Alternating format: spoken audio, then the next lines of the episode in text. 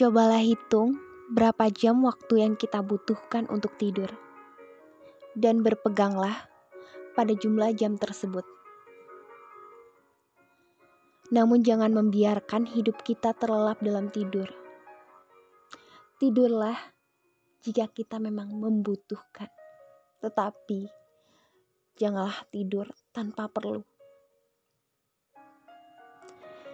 Jika kita bangun pada jam 3 pagi, apa yang dapat kita buat? Tidak usah bingung, kejutkanlah cacing tanah yang sedang tertidur dengan berjalan-jalan di kebun atau mengerjakan PR, berdoa, menulis surat, membuat daftar menu makanan, melukis, merencanakan suatu pesta, menulis buku, bahkan menghitung jumlah kambing yang di kandang pun bukanlah gagasan yang jelek. Sikap selalu terjaga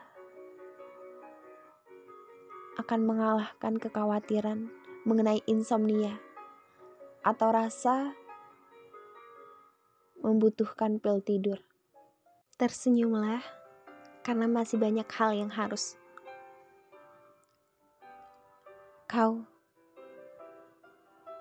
tunjukkan, buktikan, dan lakukan. Oke, okay? semangat!